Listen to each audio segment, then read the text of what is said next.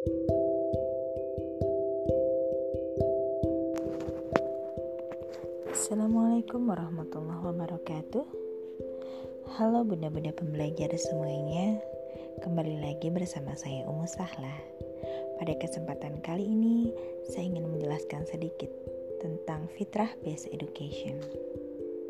Seperti yang kita sudah pahami Dalam Quran Surat Al-Baqarah ayat 30 Dalam Quran Surat Az-Zariyat ayat 54 Allah katakan di situ bahwasanya kita manusia dilahirkan di muka bumi untuk menjadi seorang hamba dan juga untuk menjadi seorang pemimpin atau khalifah di dunia. Dengan tanggung jawab yang luar biasa, apakah Allah sudah memberikan bekal kepada kita? Tentu saja sudah. Allah memberikan empat bekal, empat fitrah kepada manusia untuk menjadi khalifah terbaik di muka bumi. Yang pertama adalah fitrah-fitrah manusia yang sudah terinstal dalam diri kita. Yang kedua adalah fitrah alam semesta. Ketiga, fitrah kehidupan. Dan keempat adalah fitrah kitabullah.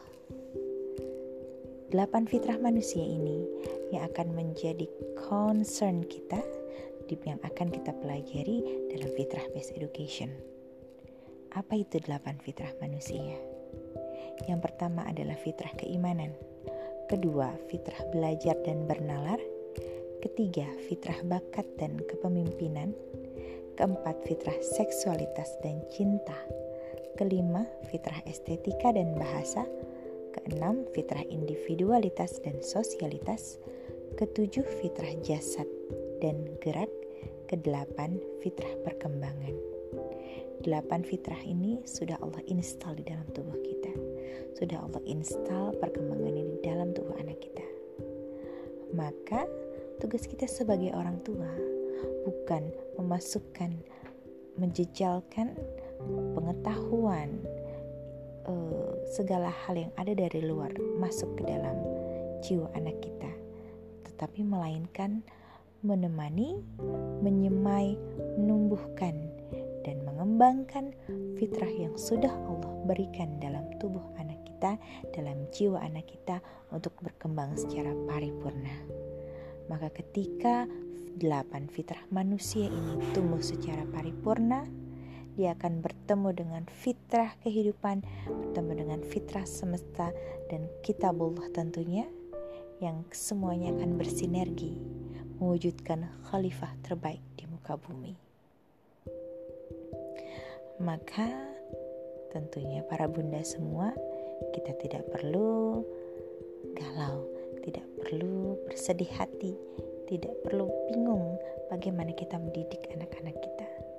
Sesungguhnya dengan cara kita mengembangkan fitrah diri kita sebagai seorang manusia, insya Allah dengan sendirinya Allah akan memberikan insight Allah akan memberikan pemahaman bagaimana kita bisa membersamai ananda kita. Karena kita semua tahu tentunya setiap anak adalah unik. Setiap anak adalah kreatif. Setiap anak memiliki bakat dan potensinya masing-masing. Maka tugas kita bukan membentuk seperti apa mereka nantinya.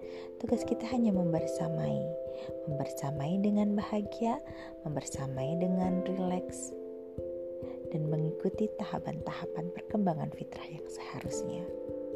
Bagaimana tahapan perkembangan fitrah yang seharusnya yang terjadi pada anak-anak kita? Sehingga kita tentunya yakin bahwa mereka tumbuh dengan fitrah yang baik dan sempurna. Kita akan bisa bahas lagi di lain kesempatan.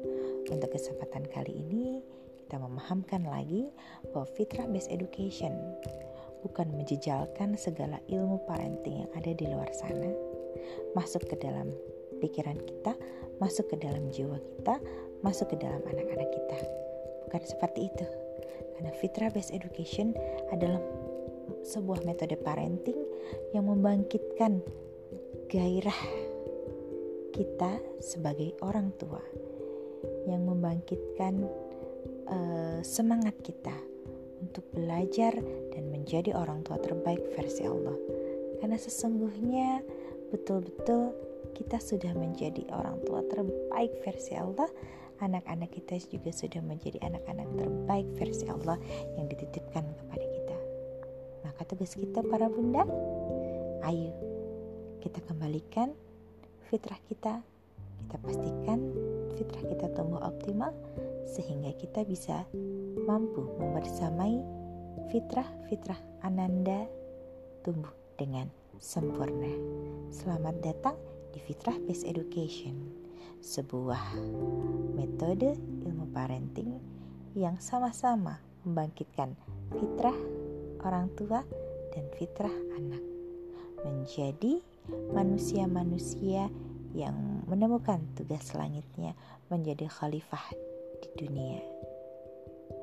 Sampai jumpa di lain kesempatan. Wassalamualaikum warahmatullahi wabarakatuh.